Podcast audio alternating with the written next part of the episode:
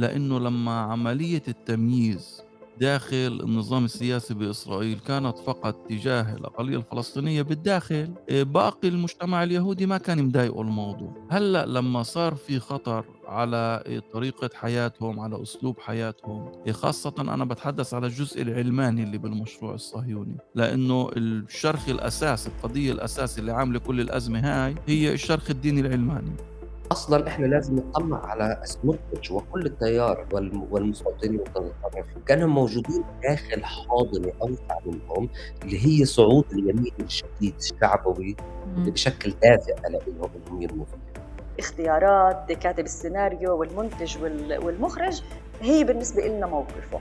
ولما هو بيختار آه، إنه يعطي مساحة أو حصة كبيرة لل اسميها المكائد اللي بتصير في المجتمعات النساء في باب الحارة معناته أنا بفهم إنه في هناك يعني تركيز على هاي الجانب من شخصية المرأة حتى لو بنحكي عن فترة اللي كانت نسبيا هيك مظلمة في حياة النساء على حساب أمور أخرى اللي متعلقة في أدوار النساء. مرحبا طارق. أهلا أهلا آية كيف الحال؟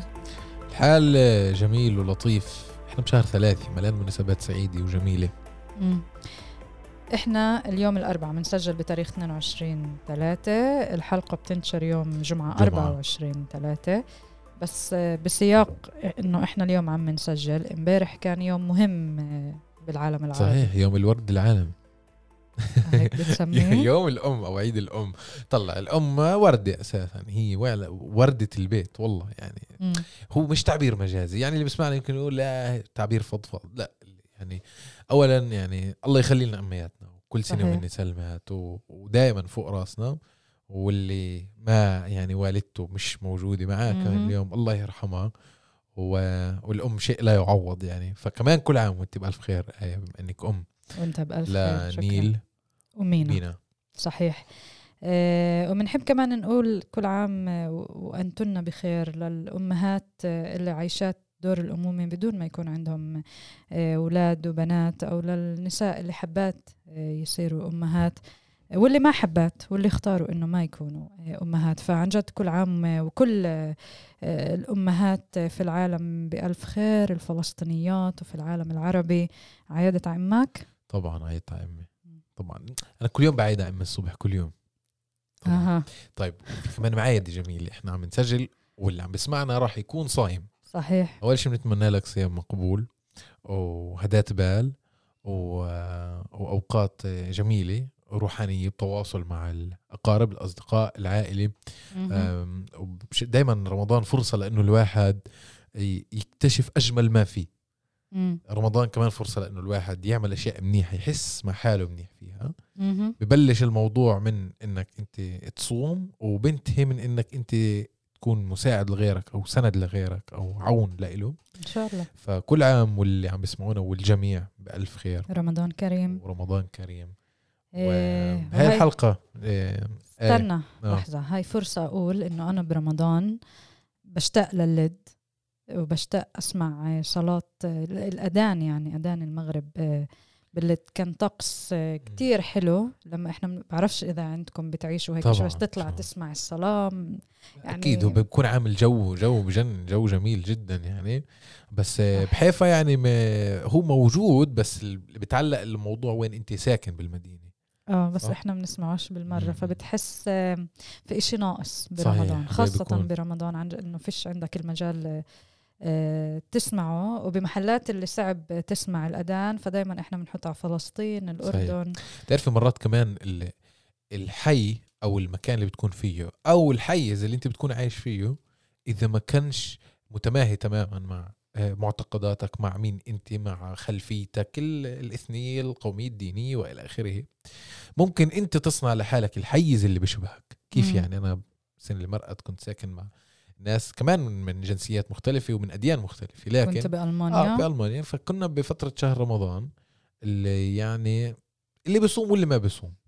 يعني كان في دائما الطقوس الدينية كانت تكون حاضرة بالبيت مثلا. آه كان يكون صيام مفطور مشترك آه, آه، يروحوا مع بعض ويطلعوا مع بعض على التعليم ويروحوا من التعليم يجهزوا أكل مع بعض. آه كمان تتسحروا؟ يعني أنا ما كنت شريك بهاي الفعالية السحور. بس كانت آه يعني رمضان أنت ممكن تحس بجو حتى لو أنت بمحل هالقد معزول وكمان اللي عم بيسمعونا فكر كثير فلسطينيين أو عرب اللي هن عايشين برا كمان بعاد عن البيئة الأصلية تبعتهم سواء مم. هم بالمهجر قسرا مم. أو طوعا باختيارهم فكمان رمضان نرفع إحنا آه، نتعامل معاه كمناسبة اللي نصنع لحالنا فيها جو مميز حتى لو بعاد عن أهلنا والله يشم يلم شمل آه، كل أمين. الأحباب مع بعض في في كل مكان يعني فعلا وهيك للحلقة اليوم ونحكي على المضامين والضيوف اللي موجودين معنا. في المحور الأول معنا سامي أبو شحادة رئيس حزب التجمع الوطني الديمقراطي. للحديث عن البيان آه، اللي تم إصداره. كنت أصدر تجمع بيان بيان ورقة موقف سياسي قصيرة جدا بيعبر عن موقفه كحزب سياسي من الأزمة السياسية الإسرائيلية. آه، الموقف تحدث فيه بلغتين باللغة العربية والعبرية. طبعا الموقف السياسي تم ترجمته يعني إلى اللغة العبرية ترجمة يعني حرفية لأنه آه، كما يقال الموقف باللغة X يقال باللغة Y هكذا يعني مفترض أن يكون الموقف السياسي. وبعد يعني ما البيان انتشر أو الموقف شفت تابعنا ورصدنا أنه في ردود فعل على المستوى الإسرائيلي بالتعامل مع آه، بيان البيان سياسي تبع موقف التجمع اللي بيحكي فيه إنه دولة آه، دولة إسرائيل مش مفروض تكون فيها هي ديمقراطية حصرا لليهود اذا آه، وفكك معنا شو يعني ديمقراطية ويهودية على مدار 30 سنة بمشروع السياسي وما حداش انتبه له بس بس بعد ما الأزمة طرقت أبواب الإسرائيليين بذاتهم صاروا يعني يمكن ياخذوا أو على القليل في شيء يسمعوه فكنا بدنا نسمع منه عن نعم. آه، عن هذا الموقف طرح البديل اللي بيقترحه آه، حزب صحيح. التجمع من خلال صحيح. صحيح. هذا البيان في المحور الثاني هو كمان هيك آه، استمرارية استمرار. نعم للحديث عن اليمين الشعبوي شايفين إنه في أزمة سياسية كرة ثلج عمالة بتكبر وبتتدحرج والصهيونية الدينية هو عصب مركزي وأساسي بهاي الأزمة. فبدنا نسمع أكثر عن الموضوع من الباحث وليد حباس. نعم هو باحث في المركز الفلسطيني للدراسات الإسرائيلية مدار. رح نحكي معه آه، على هذا الموضوع. نتطرق لخطة الحسم سموتريتش. وبسياق آه، رمضان فبدنا نحكي شوي عن مسلسلات. بعرفش انت بتحضر مسلسلات؟ يعني مش هذا الحدا اللي متابع للمسلسلات لكن عم بشوف إنه برمضان السنة في دعايات كثيرة سبقت سبقت هذا الشهر. إنه في كثير إنتاجات سينمائية درامية عربية مم. اللي الواحد ممكن آه كمان هلأ وممكن يعني اللي الواحد يتابعها وينبسط وياخذ رسالة ما. فبهذا السياق راح نحكي مع سماح بصول ناقدة اللي هي ناقدة سينمائية. وبتكتب عن الموضوع بشكل موسع. لنسمع شو جديد هذا القطاع بهاي الفترة وشو ممكن الواحد يحضر ويستفيد. آه. وكيف هاي الإنتاجات بتعبر عن بتعكس الواقع العربي سواء سياسي سواء اجتماعي نسوي وإلى آخره. انتظرونا و رمضان كريم كمان مرة. صوما مقبولا وإفطارا شهيا, شهيا. للي صحيح. بيصوموا وللي ما بيصوموا. 100% وطلب أخير قبل ما نبلش الحلقة اللي لسه ما عملنا فولو سبسكرايب على منصات آه، البودكاست المختلفة لبودكاست عرب 48 إسا الوقت عشان كل حلقة جديدة بنعملها يوصلكم إشعار أولي عليها وتسمعوا الحلقة وبعثوا لنا ملاحظاتكم ومقترحاتكم للحلقات القادمة. يلا نبدأ. بلشنا.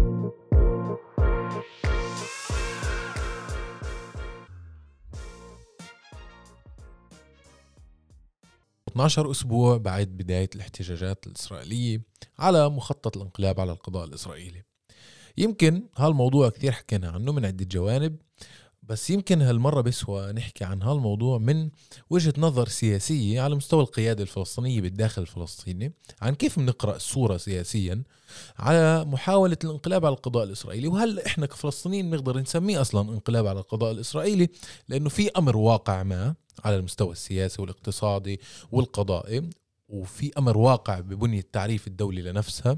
وهل الشيء القائم هو يهدد أو يشكل خطر ما للهويه الجوهرية اللي الدولة بتحملها.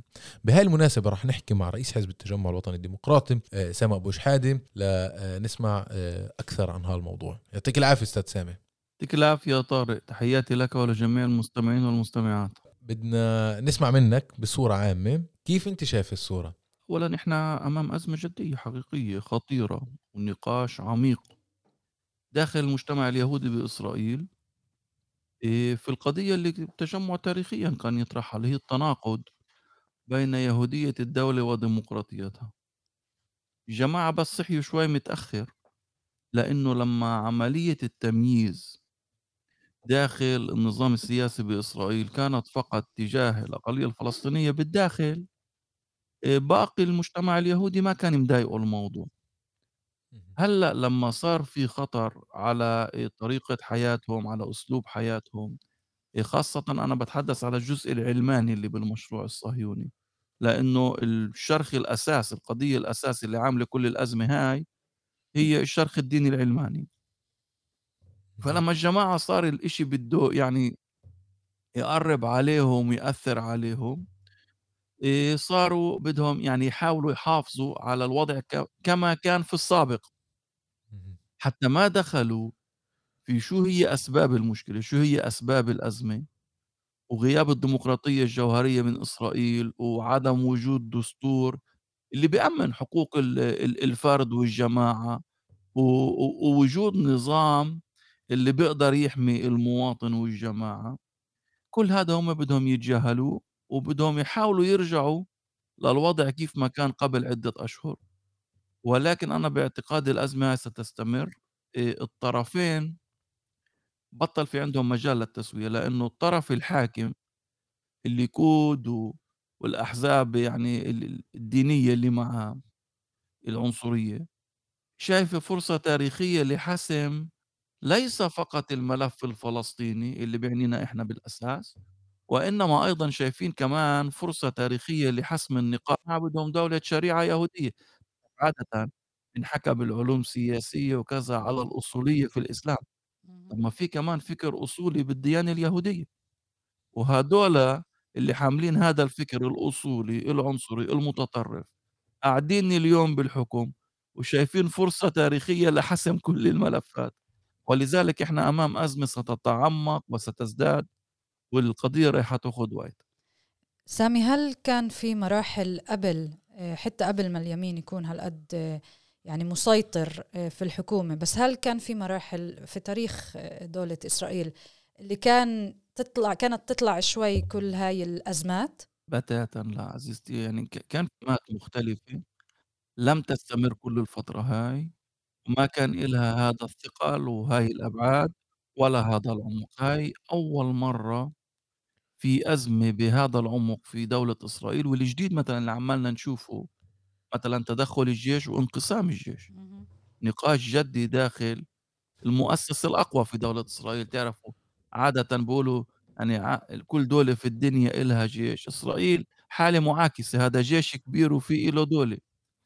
المؤسسة الأهم والمؤسسة الأكبر كمان منقسمة بهذا الموضوع، ومتدخلة بالسياسة بشكل واضح، بشكل صارخ، بشكل فاضح. طبعًا تاريخيًا كان في تدخُّل للجيش، ولكن بعد ما يكون القائد خلّص دوره في الجيش وخرج للحياة العادية، أنا باعتقادي هاي أعمق أزمة منذ منذ النكبة، منذ عام 1948 وأنا باعتقادي حتى هاي الأزمة ستستمر حتى لو كان في تسوية وحتى لو خرجنا على الانتخابات وكان في نتائج أخرى في الانتخابات. في إشي عميق، في شرخ عميق اللي وضّح كمان للمجتمع اليهودي إنه داخل هذا المجتمع في نقاش جدي حقيقي فيما يتعلق في يهودية الدولة وعلاقة الدين والدولة. طيب سامي يعني أنا قرأت بيان التجمع اللي صدر وكان عنوانه بالأساس هو الديمقراطية والمساواة لا لليهود حصرا. طيب هذا يعني التجمع في هذا البيان لم يجدد شيء بالنسبة لخطابه ولا مشروعه.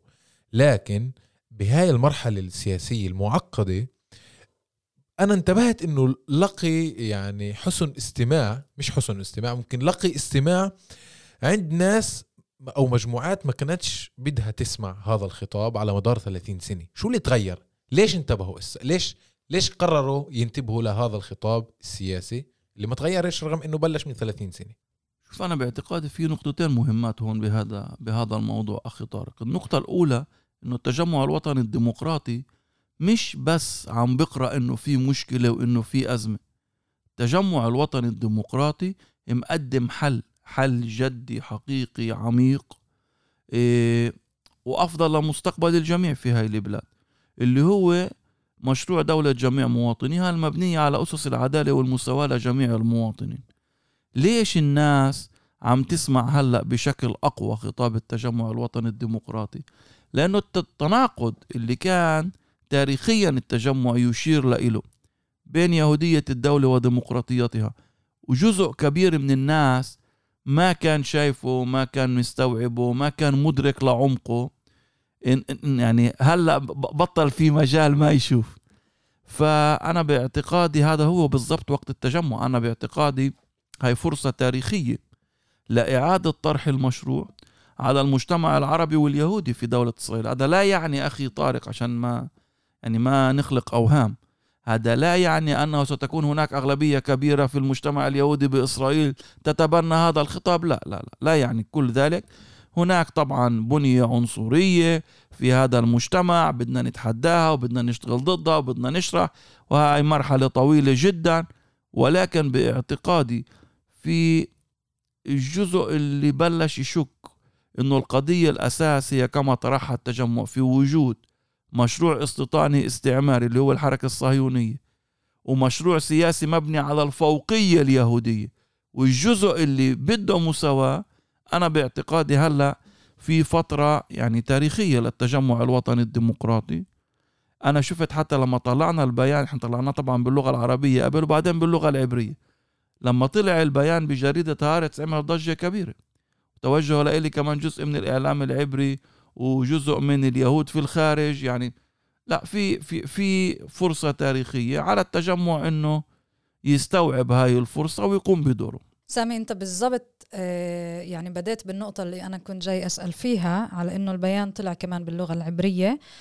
شو كانت استراتيجية وأهمية آه، إصدار البيان بالعبري؟ وفعلا التفاعل معه إذا بنفع تشرح أكثر كنت بادي تحكي على موضوع التفاعل مع البيان باللغة العبرية. أول شيء أولا الأهمية من إصدار البيان هو الشرح إنه إحنا أولا شايفين اللي عماله يصير وثانيا إحنا جزء من اللي عماله يصير ورايح يأثر علينا بشكل كبير.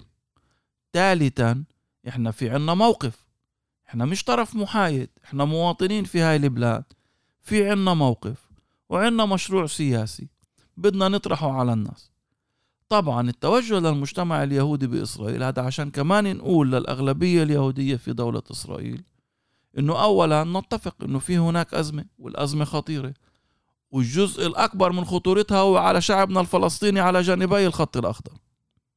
ولكن هناك أيضا في حل. قضية مش بس إنه في هنا أزمة في كمان حل والحل هو أفضل لجميع المواطنين. يعني إحنا لما بنطرح الديمقراطية كحل أخت آية مش شايفينها إنه هي حل أفضل للمواطنين العرب؟ أو إنه الديمقراطية يعني أفضل لجزء من المواطنين. إحنا بنشوف إنه الحل اللي بيحمله التجمع الوطني الديمقراطي هو الحل الأكثر ديمقراطية والأكثر إنسانية والأكثر عدالة لجميع المواطنين في هذا الجزء من العالم. ولذلك كمان قررنا نطلعه كمان إيه، بالعبري وكمان ترجم وخرج كمان بالإنجليزي. سامي شوف يعني إحنا لا شك إنه بنسمع بالخلفية في أصوات تدعو آه، إلى المشاركة وتكون جزء من الاحتجاج الإسرائيلي اللي عم بيصير بالشارع. وفي أصوات أخرى بتقول لك لا إحنا شو دخلنا؟ فخاري طبش بعضه. وفي ناس بتقول لك خلينا نقعد ونتفرج شو كيف الأشياء بدها تمشي. وفي رأي آخر بقول إنه تعالوا ناخذ موقف ونعرف نتصرف ناخذ موقفنا تحت آه، سقفنا الفلسطيني. إحنا كفلسطينيين كيف شايفين هاي الأزمة؟ ومش بالضرورة نكون بتل أبيب أو نتظاهر بأي محل مع الإجماع الإسرائيلي اللي بده يحافظ على اليهودية والديمقراطية. أنت شو بهذا الموقف؟ أو إحنا إحنا وين كفلسطينيين؟ شو رأيك؟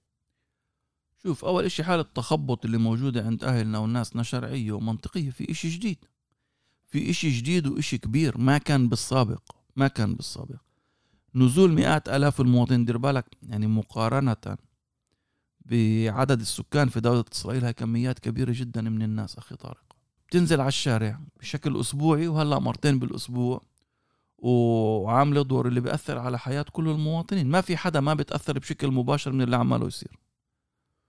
والناس بحاجة لوضوح بحاجة لوضوح.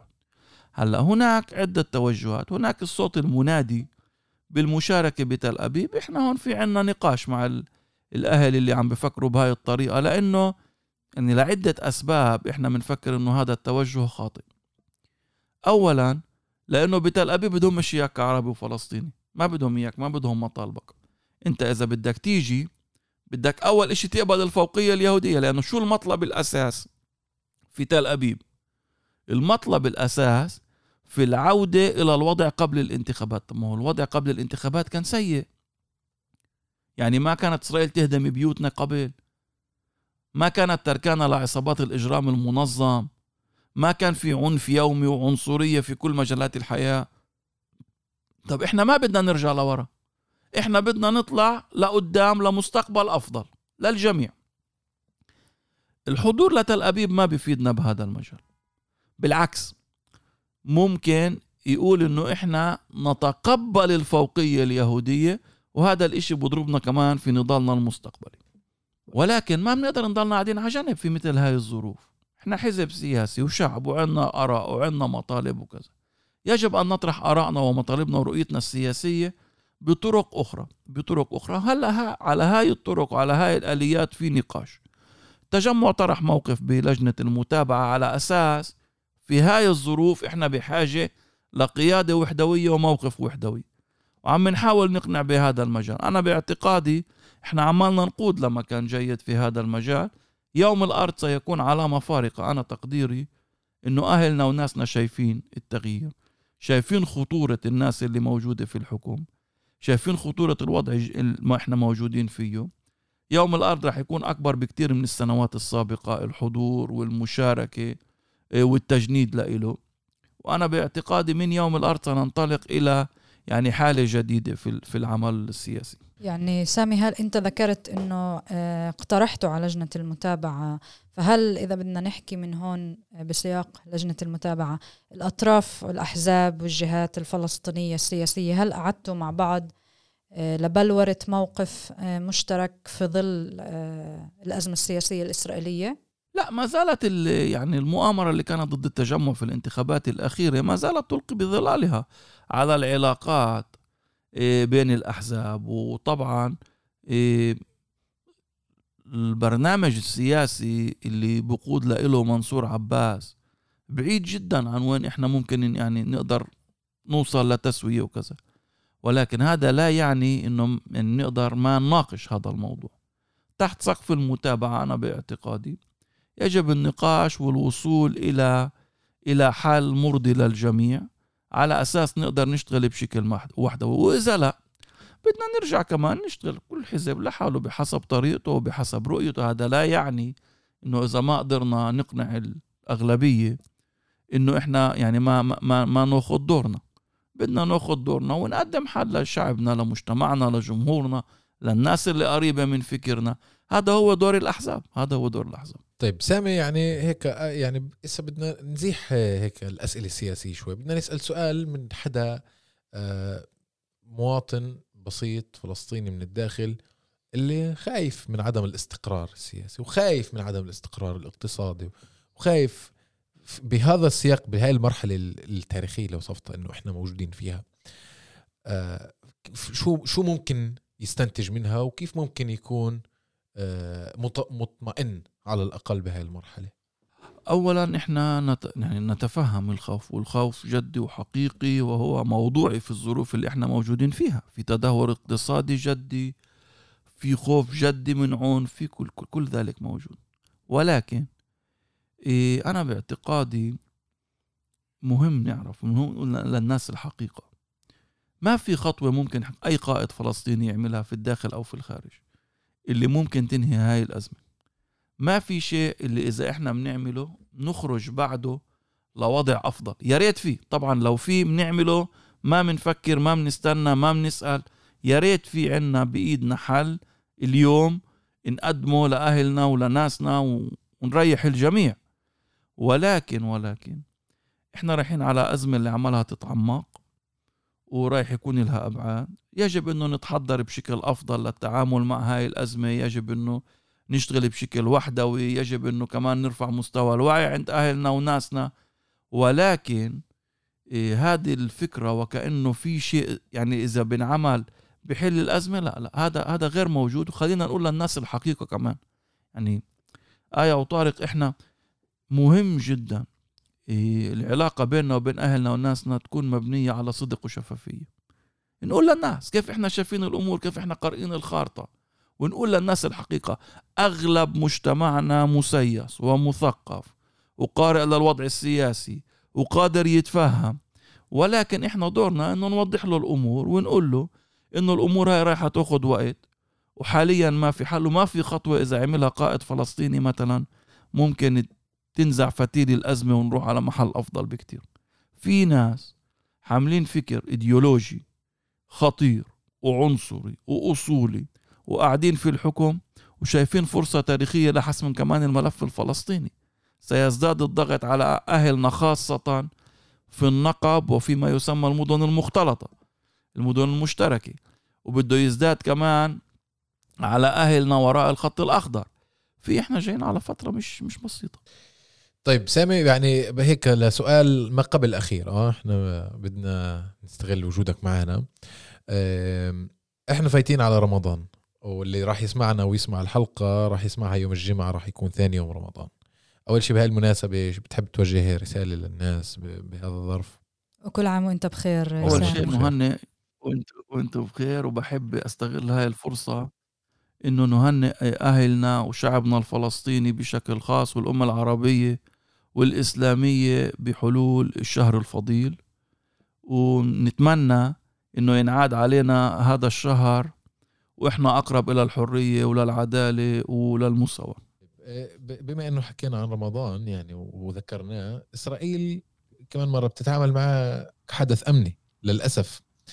وهي أجواء كمان مرة أجواء روحانية أجواء جميلة جدا. الفلسطينيين بيحاولوا يتمتعوا بالأوقات أوقات روحانية بالتواصل مع أقاربهم مع أماكن عبادتهم مع مع بتواصل مع أرضهم مع بلدهم. إسرائيل بتحاول ممكن إنه آه، تنخ... آه، تنغز عليهم هالعيشة هاي أو على أو فرحتهم أو عيدهم. للأسف. بهاي المناسبه شو شو لازم نحكي؟ اولا خلينا إحنا نذكر نذكر حالنا.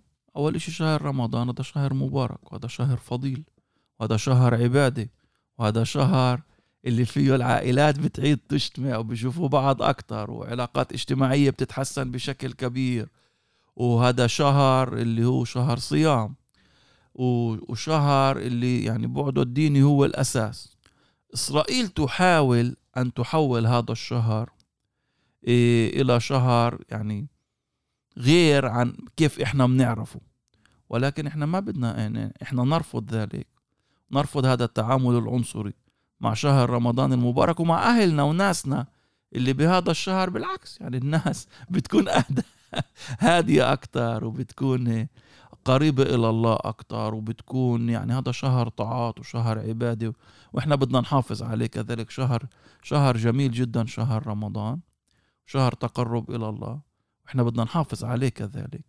أنا باعتقادي بخدم بنيامين نتنياهو في لي قراءة سياسية.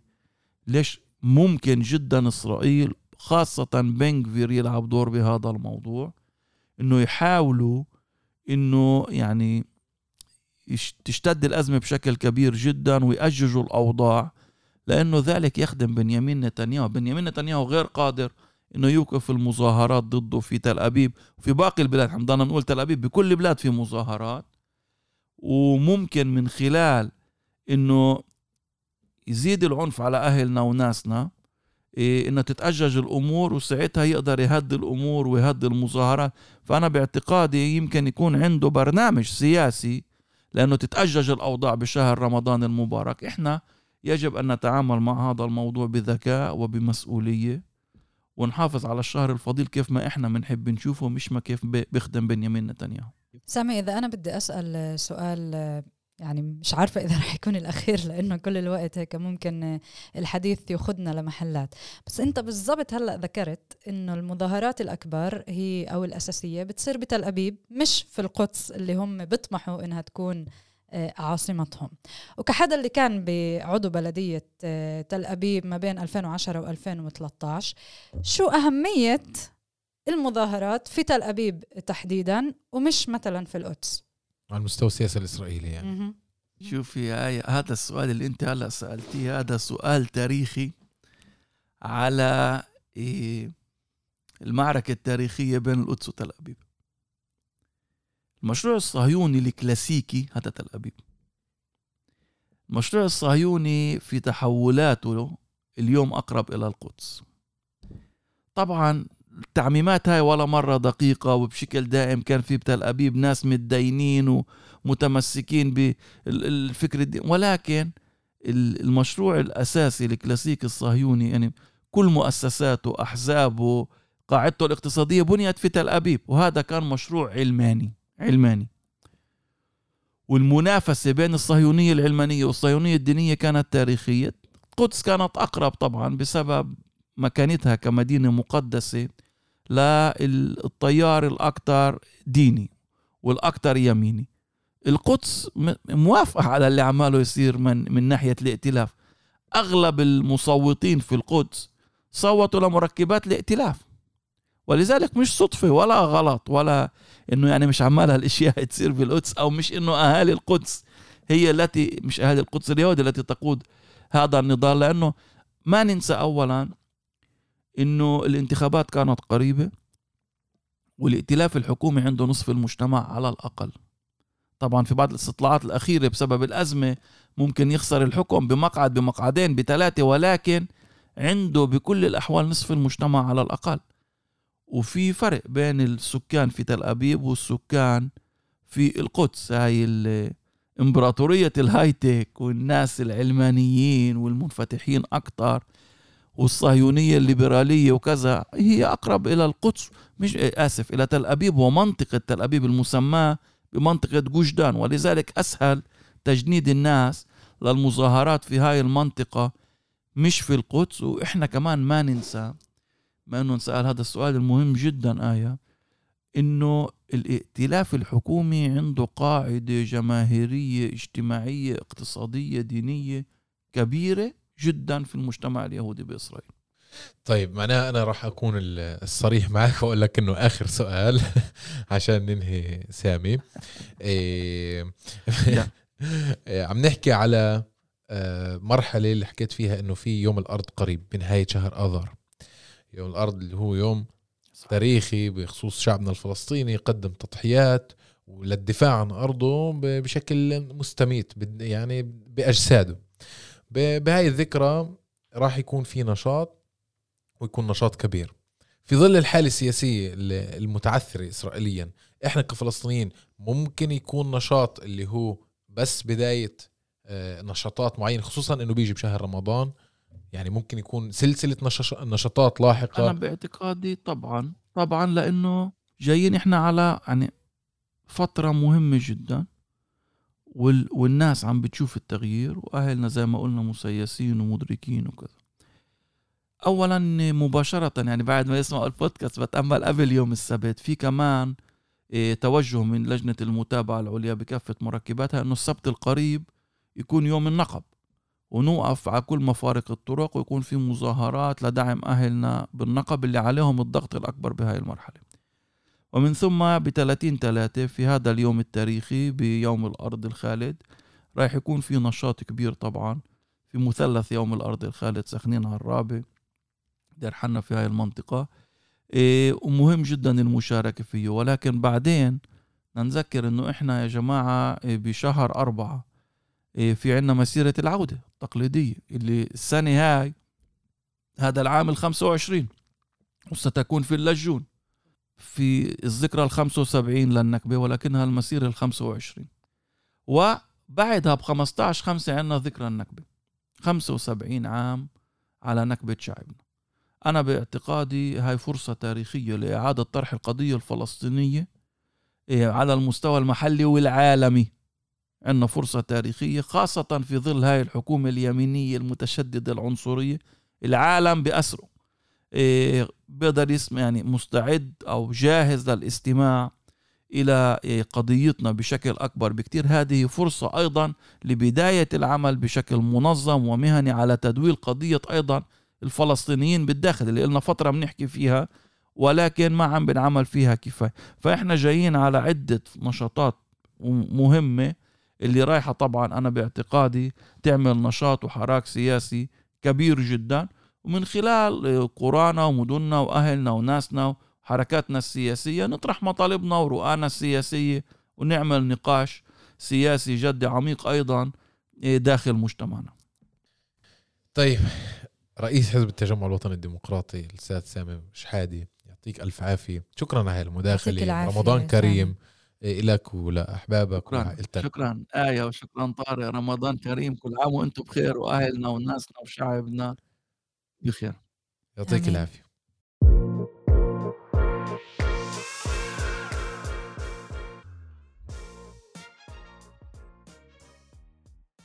طيب طارق إحنا هلأ آه، رح نحكي عن آه، اليمين آه، الإسرائيلي الفاشي تصريحات سموتريتش البيت اليهودي وخطط مخططات يعني اليمين والحكومة الحالية.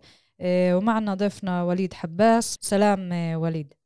يعطيك العافية وليد هلا فيك. إحنا هيك عم نشوف باليومين الأخيرات سموتريتش بتصريحاته وكلامه آه، إن كان لما كان مؤخرا بباريس آه، وإن كان في أمريكا وشوي شوي عم بتكون التداعيات آه، إنه محاولات لمعاقبة الجهات أو محاولة لمحاسبة الجهات محاسبة مؤقتة يعني أو أولية للجهات الإسرائيلية. بنحب إنك هيك تعطينا الصورة لتصريحات سموتريتش وبعدين نكمل في الحديث موسعا. لإدارة وزارة المالية. فهو أجاب الواضح إنه كل ما طبقنا التوراة أكثر إيه الله بمن علينا بالوفر والخير. بمعنى إنه هو إنسان سلفي بالمفهوم التوراتي سلفي إيه، إيه، يضع التوراة كمصدر تشريع أول وهو يعني يغادر كليا حقل السياسة والدبلوماسية ويتقوقع خلينا نستخدم هاي الكلمة في التوراة كمصدر تشريع. سموتريتش ضمن هذه الثلاث أحداث اللي أنا حكيتها هو ما ما بيعبر عن شيء هامشي هو بيعبر عن تيار هذا التيار هو الحركليه إذا نحن بجوز لازم نعرف شو أكثر يعني عن هذا التيار. مو ما هو التيار الحركلي شو هوياته شو اللي بقوم عليها؟ شو برنامجه السياسي كيف بنظر للفلسطينيين؟ كيف بنظر لباقي اليهود داخل إسرائيل ما هو الذي يميز هذا التيار؟ بفكر من هون افضل انطلاق إنه نفهم سموتريتش فإذا بدنا نشرح أكثر كمان أكثر عن هذا التيار ومش بس آه، سموتريتش كسموتريتش. فعلا كيف ما أنت حكيت في تيار كامل.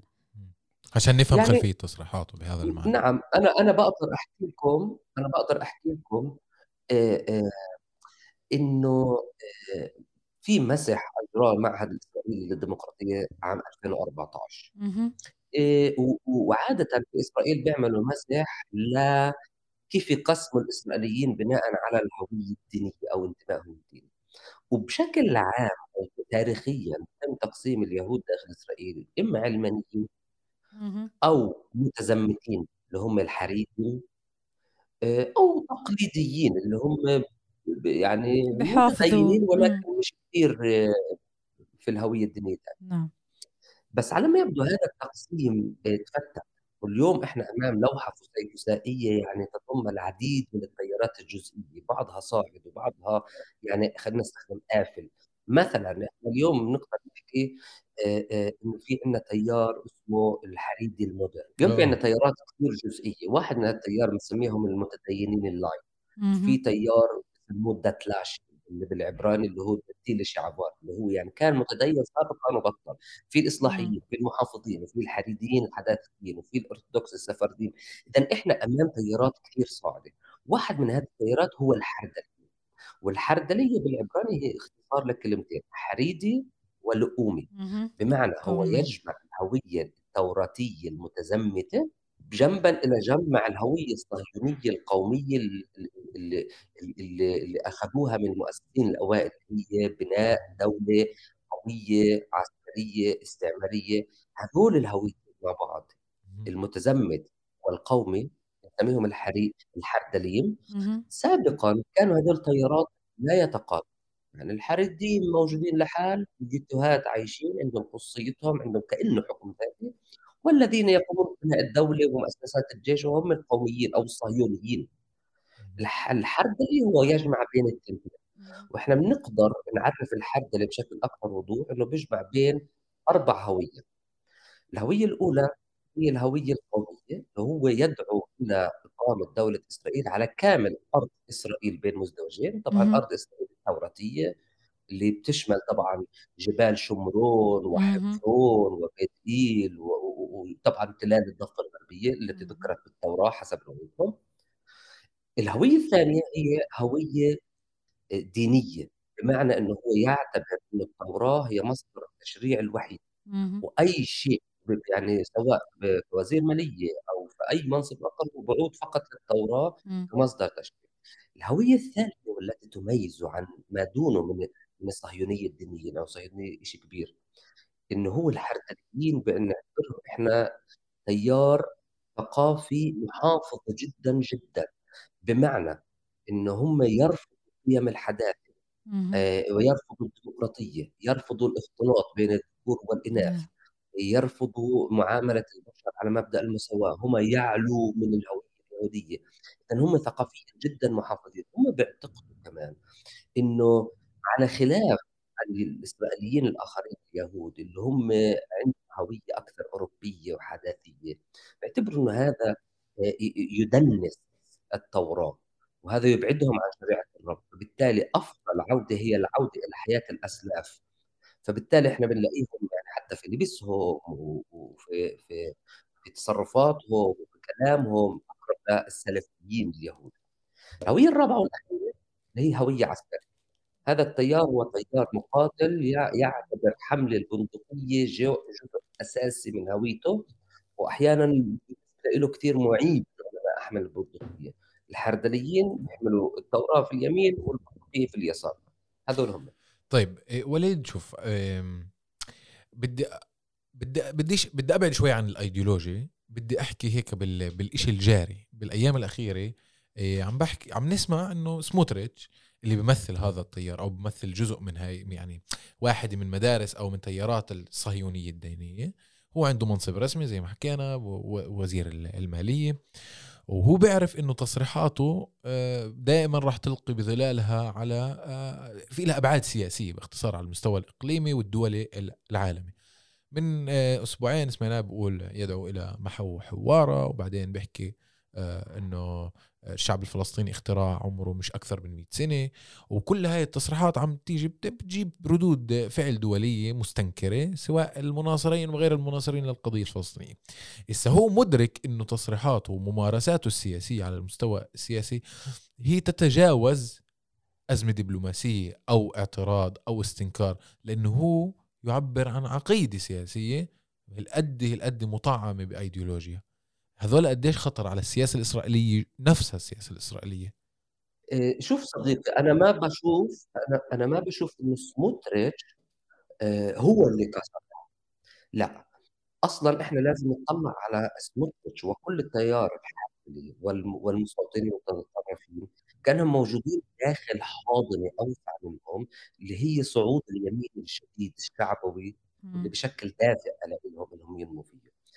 آه، بشكل بشكل عام منذ أن حدث الانقلاب السياسي الكبير في إسرائيل بصعود الليكود لسدة الحكم في السبعة وسبعين ومرورا بإخلاء مستوطنة آه، آه، يميت في سيناء بال 82 ثم أوسلو اللي بموجبها تم تسليم أراضي للفلسطينيين اللي هم يديروها بذاتهم. خطة ثم خطة الانسحاب من غزة ومن أربع مستوطنات في شمال الضفة. كل هذه لازم نشوفها كمحطات تأسيسية في رد كلمة الشارع الإسرائيلي وخصوصا التيار الصهيونية الدينية والحربليين بشكل أساسي. آه، منذ كمان تولي نتنياهو حكومته عام 2009 نتنياهو حكم مدة تقريبا 11 سنة وتنحى شوية وبعدين عاود رجع الآن في حكومة أكثر تطرفا. كل هذا شكل سياق لا بنسميه إحنا صعود اليمين الجديد داخل إسرائيل. وتصريحات سموتريتش هي ليست بوق شاذ يعني ضمن هذا السيناريو بالعكس هي منسجمة معه وإن كانت هي الشكل أكثر تطرفا وأكثر يعني مباشر. في في في عرضه لتصور تجاه الفلسطينيين نعم. وعشان نركز أكثر سموتريتش عام 2017 وضع خطة بسماها مخطط الحسم. نعم. اللي من خلاله بده يحسم مش يحل يحسم الصراع العربي الإسرائيلي. نعم. وهذا المخطط كان واضح جدا إنه هو مشروع ترانسفير. بمعنى هو بقول إنه الفلسطينيين وبقصد هون الفلسطينيين كل الفلسطينيين سواء بحيفا أو صحيح. برام الله أو بالخليل أو بغزة. الفلسطينيين هم اختراع وطبعا هو بحث في الاتيمولوجيا بتاعت الكلمات من وين أجت كلمة سوريا وفلسطين ويهودا إلى آخره ولكن هذا مش قضيتنا الآن. فهو بيحكي هدول الفلسطينيين إذا بدهم يعيشوا تحت قيادة إسرائيلية كمواطن من الدرجة الثانية؟ من الدرجة العاشرة. مواطن غير سياسي فقط. بياكل وبيشرب وبيحكي وبيكون ساكن. إذا بيحبوا يعيشوا هيك أهلا وسهلا. إذا ما بيحبوا نحن بنوفر لهم كل الإمكانيات اللوجستية حتى ننقلهم على أي دولة عربية.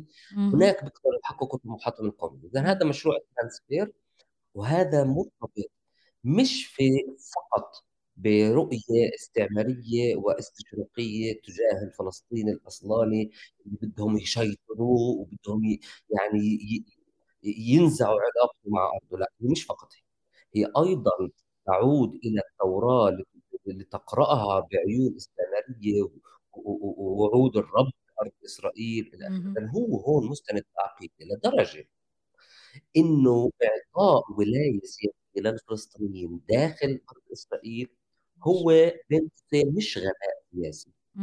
هو محرمات. والمتدين والمتزمت جدا يعتبر هذه من المحرمات التي يعني لا يعني بيروح على النار ما بيصير يعمل هيك. فمن هذا المنطلق هو بيطلق تصريحات وهذه التصريحات بتلاقي أذان صاغية في المجتمع الإسرائيلي. أنا لا أقول تحولت إلى نوع الجديد من الهيمنه مقبول على كل الشارع لا. عشان هيك بنشوف اليوم في هناك تصدعات عميقة وعميقة وعميقة داخل إسرائيل بين هذا التيار الصاعد وبين الاسرائيليين اللي العاديين. أستاذ وليد أنا عندي سؤالين بس السؤال الأول اللي كنت حابة أسأله لأنك شرحت بالضبط عن الحردليين. نحب نفهم هدول الحردليين هل هم موجودين بالضرورة بس بالمستوطنات ولا هل هم كمان موجودين على كامل فلسطين التاريخية؟ أوكي أنا أنا هون يعني بحب إنه أجاوب على هذا السؤال بشقين أول شيء يعني في في في, في آخر استطلاع على ما اعتقد 2016 تبين إنه حجم الحركيين هدول النواة الصلب الأيديولوجية تقريبا بشكل 1.3% بمعنى من 90 ل 120 ألف إسرائيلي. ولكن اليوم أكثر واذا إحنا بدنا نعمل مسح جغرافي أكثر الأماكن الموجودة فيها الحركيين هي في القدس. 30% منهم بيعيشوا داخل القدس. يعني بنحكي إحنا عن أحياء مثل كريات موشي وكريات يوفيل ومستوطنه هار حوماه اللي هي طبعا جبل أبو غنيم. وفي داخل الضفه أيضا موجودين في تيارات في في في مستوطنات اللي تسمى المستوطنات الأيديولوجية. مثل ايتمار وإيلون موريه وهار بركا ويتسهار. وكمان في داخل بؤر استيطانيه مثل حفات سكالي وجفعات هلافا ومتسبيه يتسهار.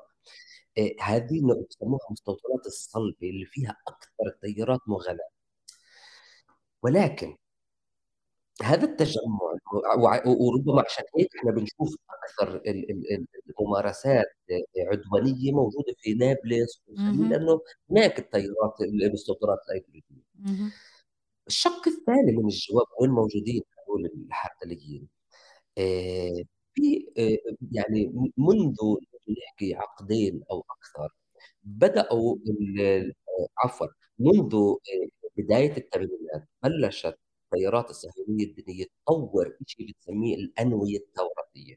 والأنوية التوراتية هي عبارة عن مجموعات من العائلات.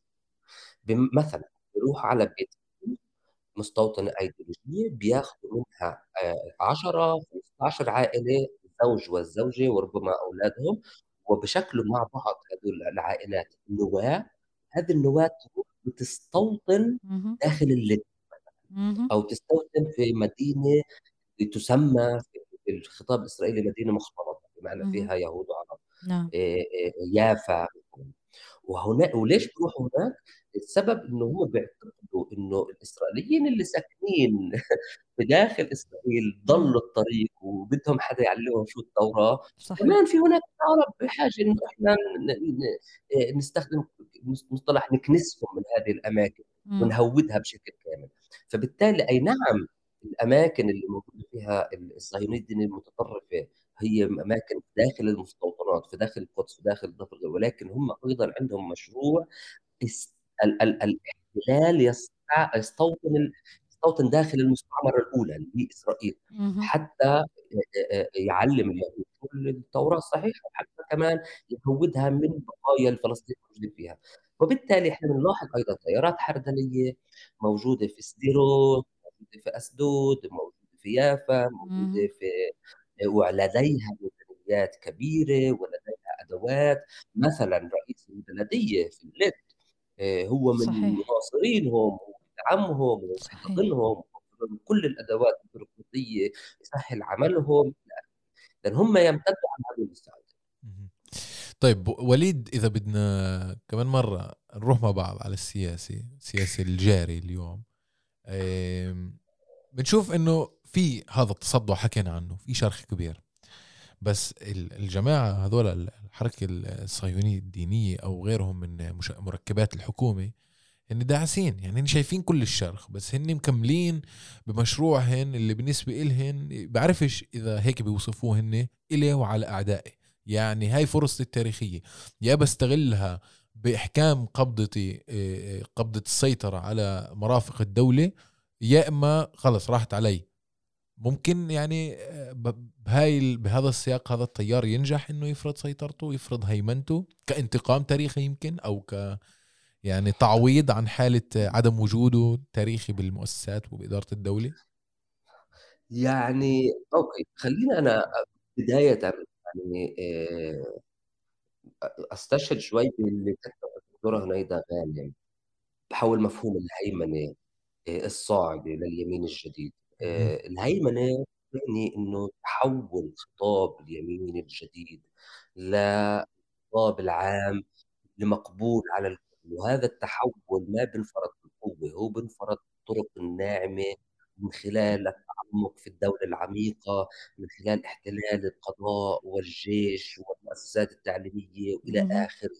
وهذا مشروع طويل ومتراكم وأنا لا أعتقد أنه اليمين الجديد وصل له ولكن هو يسير في يعني من داعس كيلومتراج بسرعة عالية بهذا إيه الآن ننظر إلى إسرائيل على أنه فيها تصدعات عميقة وفيها احتجاجات. وهذا صحيح. ولكن أيضا هذا التيار اليمين الجديد المتدين والاستيطاني واللي الحردليه سموتريتش بمثله وجهه الأكثر يعني آه، آه، وضوحا هذا تيار مدعوم من العديد من الجهات. مثلا في هناك صناديق funds صحيح. أمريكية رأس مال لوبي يهودي أمريكي هو يعني مناصر للحزب الجمهوري ويدعم هذه التيارات. هناك منظومة كاملة جدا من منظمات المجتمع المدني think tanks نحكي عن فورم كوهيليت ومعهد شالم ونحكي عن منظمات زي ام 2 NGO Monitor عن منظمات استثمارية زي رغافيم ونحالا وإلعاد وإلى آخره. بنحكي أيضا عن مدارس اللي هي بتلقوا هدول الحردلين من من من شبابهم. تعاليم بتوديهم بشكل حتمي إنهم يكونوا من المغاليين داخل هذا التيار، نحكي عن أطر شبيبة زي بني عكيفه ورئيل وعزه وهدول موجودات في أكثر من دولة في العالم وإن كان المركز الأساسي تاعهم هنا في إسرائيل. لأن نحن نحكي عن منظومة كاملة هذه المنظومة ما اجت وفقط إحنا لا يجب أن ننظر إلى نهاية شريط الفيديو ونقول سموتريتش تحدث كيت لا. نحكي عن بنية اجتماعية نسيج كامل تمويل مناصرة احتلال دولة عميقة أنوية ثوراتيه وإحنا بنشوف الوجه البوكس اللي هو طلع حكى هيك. فبالتالي نعم هناك مشروع هيمنة جديد آه لم آه ينجح بعد ولكن يعني كل المؤشرات تقول إنه كمان لن يفشل. okay وإحنا ما نقدر نستشرف المستقبل شو بالتحديد رح يصير، هذا الوجه الأول من الجواب، الوجه الآخر إنه هذه هي الصهيونية، الصهيونية التي تأسست من خلال استعمار أرض سكانها الأصليين ارتدت وجه أو ثوب مش ثوبها في البداية، وهو الثوب العلماني يعني عادة التوراة وأرض إسرائيل وكذا ولكن ارتدت ثياب علمانية، هذه مش ثيابها، الصهيونية الحقيقية سرعان ما تكشفت وخرجت من الحكم وحكت لهم وقفوا عندكم إحنا الصهيونيين الصحيحين مش أنتم رجعتونا على أرض إسرائيل باعتبارها أرض اليهود وأرض التوراة وأرض الميعاد إلى آخره، اذا نحن نأخذ هذا المشروع إلى بعده إلى الاقصاه الكامل، نحن الآن التوراتيون. آه، جماعة في يعني في كذبة أو في في مخيال معين صنعوه وكانوا عارفين إنه رايحين بهاي العباءة أو بهاي الشماعة شماعة الحق اليهودي في أرض إسرائيل بين ازدواج. ولاحقا بعد ما تكشفت الأمور بعد 75 سنة خلينا نقول اليوم صارت ال... يعني صارت الصراعات الداخلية أو يعني أزمة الهوية أكثر شف... شفافية بين أقطاب هذا المجتمع ذاته. إيه نعم صحيح. نعم صحيح. وكمان أنا بدي أضيف إنه هذه الطريقة المبسطة اللي أنا وحضرتك شرحناها هلأ أيضًا تنطوي على تحولات سوسيولوجية عميقة وعلى صراعات داخلية، وهذا موجود في كل مجتمع، ولكن في مجتمع استعمار استيطاني ويأخذ بُعد آخر، خصوصًا إنه الآخر الفلسطيني اللي ما زال موجود على أرض فلسطين هو يقع في صلب كل النقاش اللي الآن.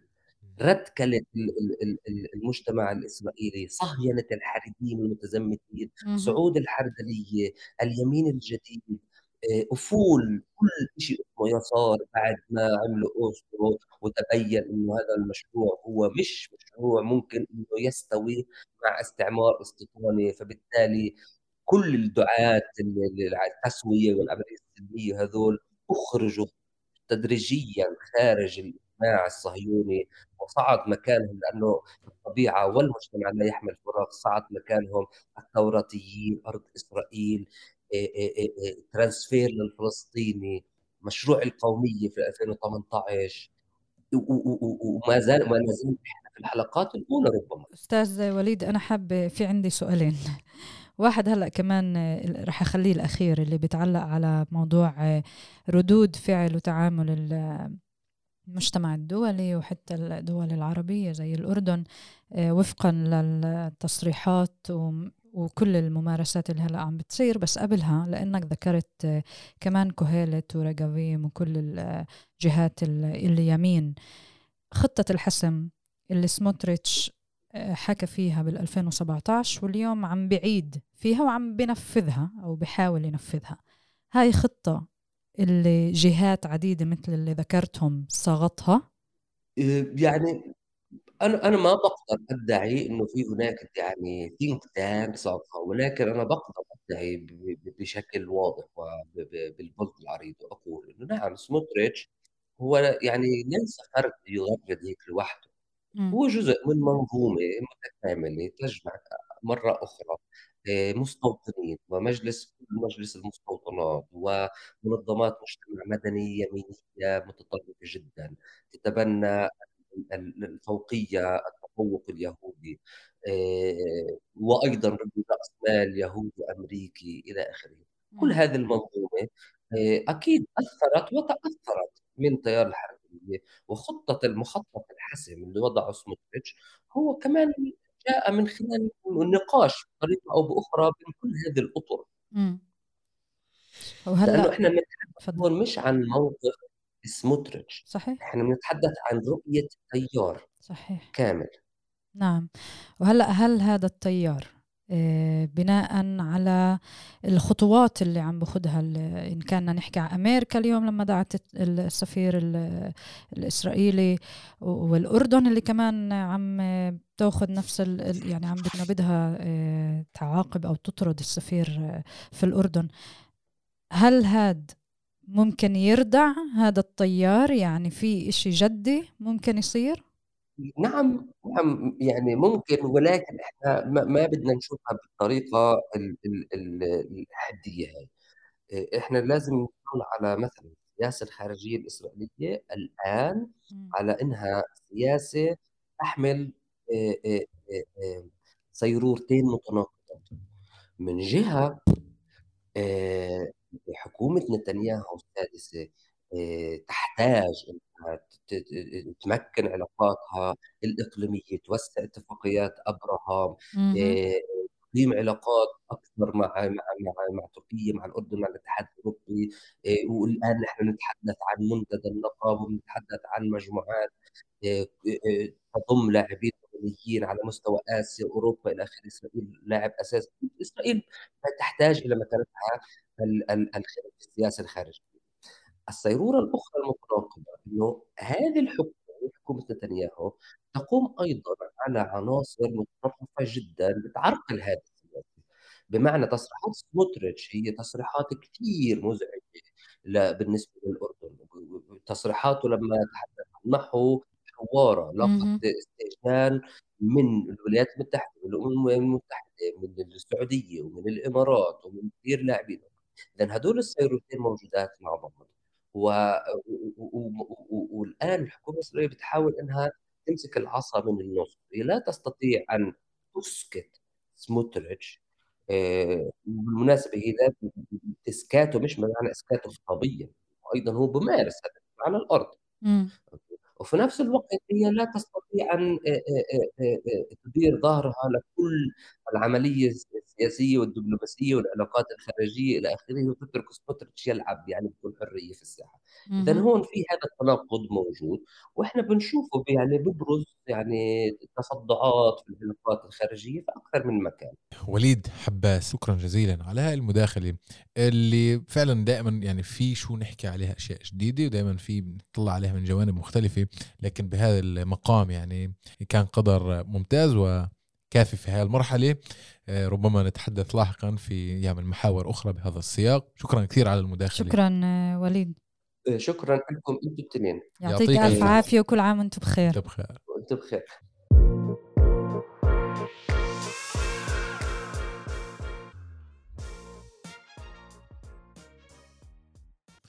طيب طارق إحنا بالمقدمة حكينا إنه هيك إحنا بشهر رمضان الفضيل و واحد صحيح. من الأشياء اللي بتشغلنا هي مسلسلات إيه، رمضان. الناس بتستهلك كثير مسلسلات يعني فجأة كله على التلفزيون بسمع بحضر صح الفترة الأهم للإنتاجات في العالم العربي. ومعنا للحديث عن مسلسلات رمضان سماح بسول ناقدة سينمائية. مرحبا سماح. مرحبا سماح. مرحبا آية مرحبا طارق. هلا فيكي. حابين هيك نحكي معاكي على شو بستنانا رمضان القريب؟ مسلسلات أعمال درامية. آه فبدنا نشوف شو التوجهات العامة بالبداية. انتاجات متعددة. بدنا نسمع آه سماح شو كيف بتحب تبلشي؟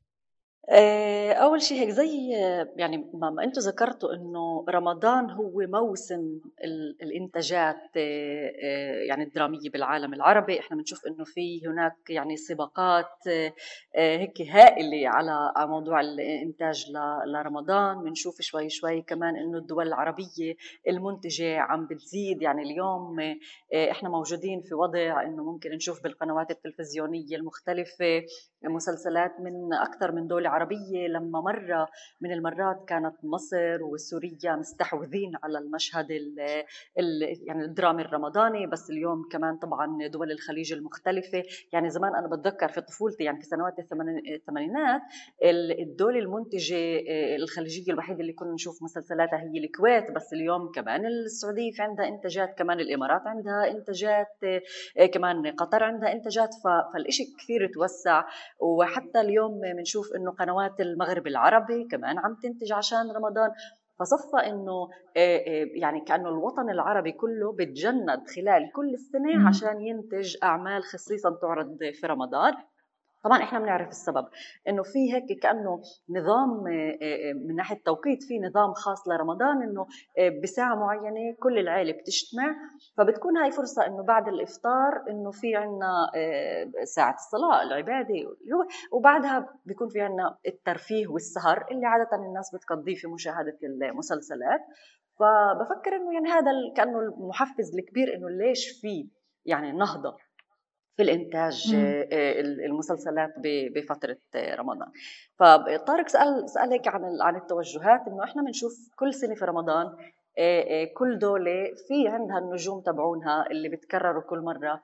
لدرجة كمان إنه هناك صار في زي كأنه مونوبول صار في استحواذ لبعض مم. الأسماء على مسلسلات رمضان أكثر من غيرهن. هلا بس مجبورة أسأل بالأول سؤال قبل ما نبدأ نحكي عن النجوم رمضان 2023 إحنا بنحكي عصر اللي إحنا يعني الغالبية بتقضيها على السوشيال ميديا تلفونات. هل عن جد الناس لسه بتحضر بتتجمع كعائلات وبتحضر مسلسلات رمضان زي ما كان مرة؟ آه، شوفي أنا يعني أنا بتذكر آه، زمان وأنا صغيرة يعني أكثر مسلسل كان رائج بهذيك الفترة كان ليالي الحلمية والأجزاء الثانية اللي يعني كأجزاء وبعدها كان في المسلسلات اللي تعتمد على روايات نجيب محفوظ مثلا آه، زقاق المدق السكريه وكل هدول. ف يعني كان ما فيش مجال غير إنه العائله تقعد مع بعض وتحضر. اليوم حتى في عصر ال social media حتى في عصر هذا نقول الفردانية إنه كل واحد فينا حامل تلفزيونه بإيده اللي هو عن طريق التليفون بس إحنا بنشوف إنه الناس كمان اليوم بتنزل ابلكيشنز اللي هي بتعرض هاي المسلسلات. فصفى إنه مشاهدة المسلسلات بعدها واحدة من عادات رمضان ما اختلفت بس يمكن طرق المشاهدة اختلفت. آه، يعني ومع هيك طبعا بعدنا بنشوف أكيد إنه في أماكن أو في بيوت اللي بعدها العائلات تتجمع أو حتى في مرات يعني آه، إذا بنلاحظ إنه في مرات مسلسلات بتكون بيكون بثها على وقت الإفطار بالضبط. فممكن تلاقي العائلة بخلال فترة الإفطار بيكون في آه، التلفزيون بالخلفية والناس عم بيسمعوا أو بيشاهدوا المسلسل. ف يعني إنه في عادات يعني ممكن تكون هيك تغيرت في بعض الأماكن أو عند بعض العائلات بس بس ولا زال مشاهدة المسلسل حتى لو إنه عن طريق تليفوني الخاص حتى لو عن طريق ابلكيشن بس بعدها العادة المشاهدة لا تزال موجودة. طيب سماح يعني إذا بدنا نعمل هيك زي مقارنة مش مقارنة إذا بدنا نعمل نأخذ فترة مثلا من 15 و20 سنه وفترة اليوم. في يعني لا شك إنه أدوات عرض الافلام المسلسلات وطرق عرضها والنجوم كمان غير إنهم تبدلوا كمان المضامين ممكن إنها تكون تبدلت بحسب موقع بث المسلسل الجغرافي أو إنتاج المسلسل الجغرافي بتعلق بالسياسي أو بالاجتماعي. في إشي ممكن تحكي لنا عن هذا الجانب؟ صحيح جدا اللي عم تحكيه طارق. وأنا بس يعني بما إنه إحنا هيك ذكرنا بالبداية موضوع النجوم والاستحواذ يعني إذا إحنا بنيجي نطلع آه، يعني بال20 سنة الأخيرة اللي أنت عم تحكي عنهن آه، في فترة من الفترات كان وكأنه الغرض من المسلسل الرمضاني آه، هو الترفيه هو قضاء الوقت الناس بتسهر من الفطور للسحور فشو ممكن نعطيهم مضامين؟ كنا نشوف برامج المسابقات بالذات الناس اللي وعيت التلفزيون الأردني والسوري وبعد شوي لما فاتت MBC وروتانا على الصورة فكنا نشوف فيه هيك أنماط معينة من الترفيه اللي كانت تشمل مسلسلات ولكن برامج أخرى. اليوم يعني إذا بنيجي بنحكي عن العشرة ثمان سنوات الأخيرة لحد اليوم المسلسلات بتستحوذ أكثر على آه، على المشهد التلفزيوني تعال نقول بالضبط للسبب اللي أنت ذكرته إنه آه، في أسباب آه، سياسية في مواضيع تغيرت في حياة الإنسان في الوطن العربي فكلياتها هي عم بتلاقي لها مجال في التلفزيون زي ما بتلاقي طبعا في الأدب أو في أمور في أمور أخرى.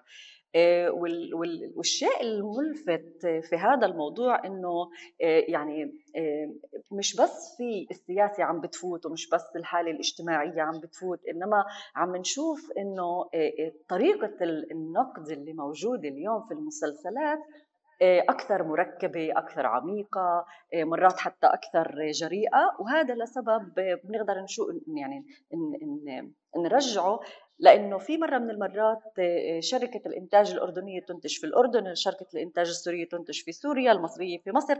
اليوم أنت ممكن تكون آه، تنتج مسلسل مع آه، نجوم من أي دولة في العالم العربي في أوروبا في أمريكا.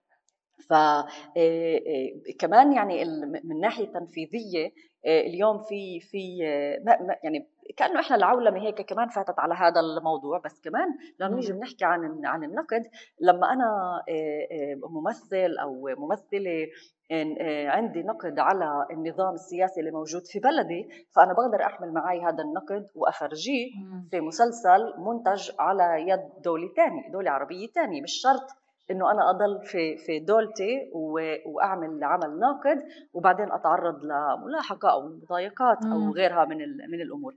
فطبعا كل الموضوع السياسي وبنشوفه إحنا يعني اللي بيطلع على الخارطة تبعت المسلسلات بالسنوات الأخيرة رح يشوف كثير حضور لمضامين سياسية في المسلسلات. يعني هل هذا بيقول آه، بكلمات أخرى أنه عم بيكون في استخدام لمسلسلات رمضان لتمرير مفاهيم أو أجندات سياسية خاصة لما أنت بتقولي أنه بتقدري تكوني بمحل وتنتقدي دولة أخرى يعني بالضبط.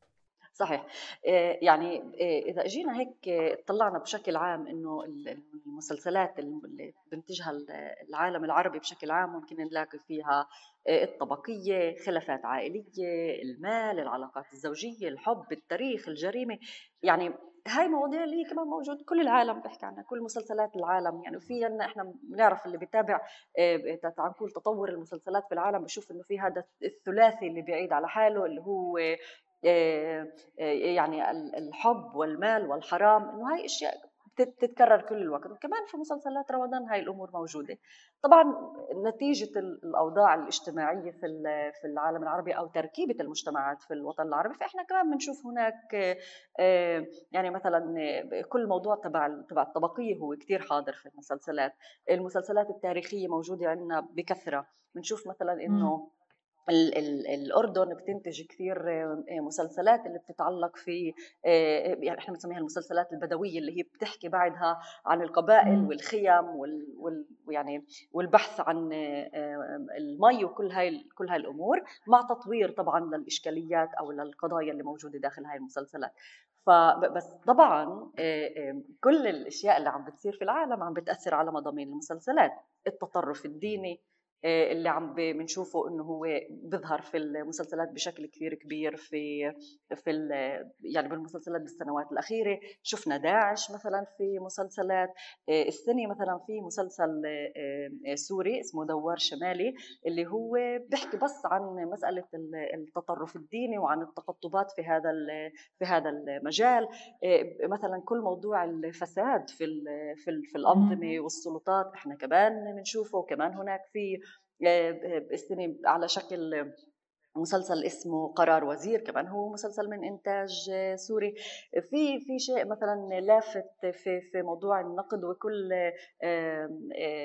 يعني احتكاكنا عمليا كدول عربية مع بعضنا إنه كمان مثلا في واحد من المسلسلات السورية اللي رح نشاهدها السنة اسمه الكرزون اللي بيحكي عن انفجار مرفأ بيروت. اللي هو حادث لسه الناس عم بتعيش اصداء يعني. صحيح صحيح. فإحنا بنشوف إنه في هناك كثير كثير هيك متابعة للأحداث السياسية الموجودة. كمان على فكرة مثلا كل مسألة الأزمة السورية واللاجئين السوريين كمان في كثير مسلسلات بتحكي عن عن اللاجئين واللاجئات السوريات. ففي في يعني بشكل كثير كبير تطرق للقضايا صحيح. مسلسل ابتسم اياه الجنرال. السوريه مزبوط وفي إذا يعني سمحتوا لي كمان بس بدي أضيف شغلة صغيرة. متعلقة في لأي درجة المسلسلات بتعكس الواقع اللي موجود في الوطن العربي. زي ما حكيت كل موضوع الدين والتعامل مع الدين مش عن طريق مسلسلات في في جانبين في التعامل مع الدين عن طريق مسلسلات اجتماعية وفي تعامل مع الدين عن طريق مسلسلات دينية وهدول شغلتين منفصلات تماما. وفي عندنا مثلا تعامل مع الأقليات يعني بدينا نشوف بالسنوات الأخيرة وأنا بذكر إنه قبل سنتين كان في ضجة كثير كبيرة على مدى حضور اليهود في في الدول العربية في المسلسلات العربية. يعني إنه شفنا إنه في شخصية اليهودي عم تاخذ حيز وبتأخذ دور في المسلسلات المنتجة لرمضان. الأقباط في مصر بلشوا يبينوا في المسلسلات المصرية. فهي كمان نتيجة التحولات اللي عم بتصير في هاي الدول بنشوفها إحنا في المسلسلات. طب سماح هيك قبل ما أعرج على الموضوع النسوي وكيف النظرة النسوية يعني كيف يعني كيف ممكن نقرأ المسلسلات؟ مسلسلات رمضان بعيون نسوية بس بدي اضلني معك بالسياسة شوي إنه المسلسل اليوم آه، أحيانا ممكن يكون نقدي يعني مثل الدراما السورية يعني امتازت أحيانا بنقدية ما إلى سقف ما. وكل هذا صار قبل الأزمة يعني قبل الثورة قبل الحرب لاحقا وكان في مساحة ما. اليوم بسوريا غير قادر على إنتاج عمل درامي مثلا نقدي وممكن إذا بتروح على دولة أخرى تكون برضه مش قادر لأنه بتعلق بالدولة اللي قائم فيها قائم فيها مؤسسة الإنتاج أو صناعة المضمون نفسه. ففي برأيك في ممكن يكون عمل جريء قادر على أنه يعكس الواقع كما هو يعني بهذا الرمضان القريب؟ إيه، طلع أنا بعد ب... ب... يعني على الأقل من خلال هيك مشاهدة على مدار سنوات كمان قراءة ال... عن المسلسلات الجديدة اللي صادرة في 2023 أنا بفكر إنه في كل العالم العربي لا يزال آه، النقد اللاذع للسلطة لا يزال غائب طبعا إحنا عارفين الأسباب إحنا عارفين الإسقاطات تبعت هذا هذا النقد. ولكن في مرات تحايلات على آه، آه، المواضيع واعتمادها أو التعامل معها بشكل غير مباشر. يعني لما إحنا بنشوف مثلا مسلسلات متكررة بالذات في في ال الدراما السورية والمصرية باعتبارهم لا يزالوا الأشهر في في رمضان بنشوف كثير مثلا نقد لكيفية تعيين الوزراء لكيف الوزراء بيتعاملوا مع مع الشعب.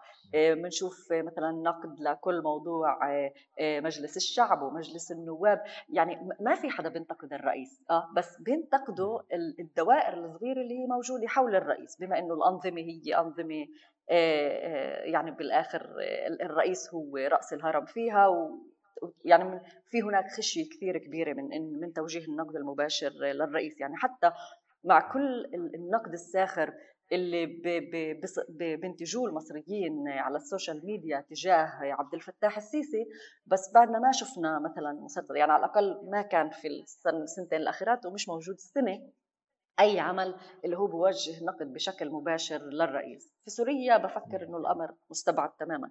آه، ولكن كمان في في الدول ذات النظام الملكي إذا كان في اردن إذا كان في الخليج العربي فبفكر إنه هذا الشيء مستبعد جدا. لكن كيف حكيت إنه لما في نقد للأنظمة بيتم تعال اختيار الحلقات اللي هي بديش أسميها الأضعف بس هي الأضعف نسبيا ما بعد الرئيس أو ما بعد الملك أو آه، أو ما بعد الشيخ اللي هي مجلس كله الوزراء, إلا الوزراء. بالضبط يعني لأنه كثير سهل أنت تحكي عن وزير لأنه بالنهاية هو كمان يعني منتخب شعب. فكأنه في لك الحق أو في عندك القدرة على انتقاد هاي الشخصية كممثل للسلطة بدون ما أنت تمس بالخط الأحمر المتمثل بالرئيس أو بالملك أو بالشيخ.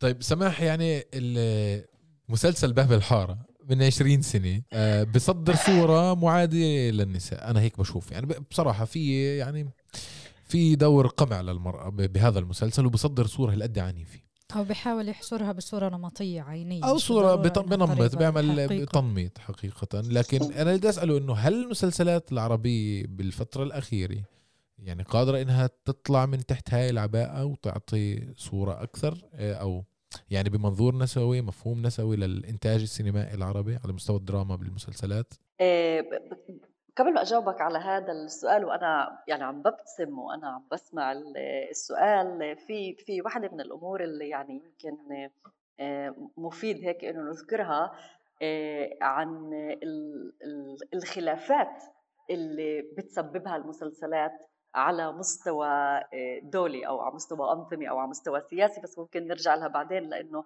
السنة بشكل حصري كان في حدث كثير آه، بارز ومهم في هذا الشأن. بس بالأول بدي أجاوبك على السؤال النسوي. نعم. يعني أنا أتفق تماما مع اللي مع اللي حكته أي أتفق تماما مع اللي حكى طارق بالنسبة لباب الحارة وتكريس صورة معينة عن النساء. طبعا من وجهة نظرنا إحنا كأشخاص كنساء كرجال في في هذا في هذا العصر. يعني في هون شغلتين. الأولى بدنا نأخذ في عين الاعتبار الفترة الزمنية اللي بيحكي عنها المسلسل وكيف كان وضع النساء بهذيك الفترة. آه، والجانب الثاني هو آه، طبعا آه، بالنهاية إنه اختيارات كاتب السيناريو والمنتج والمخرج هي بالنسبة لنا موقفه.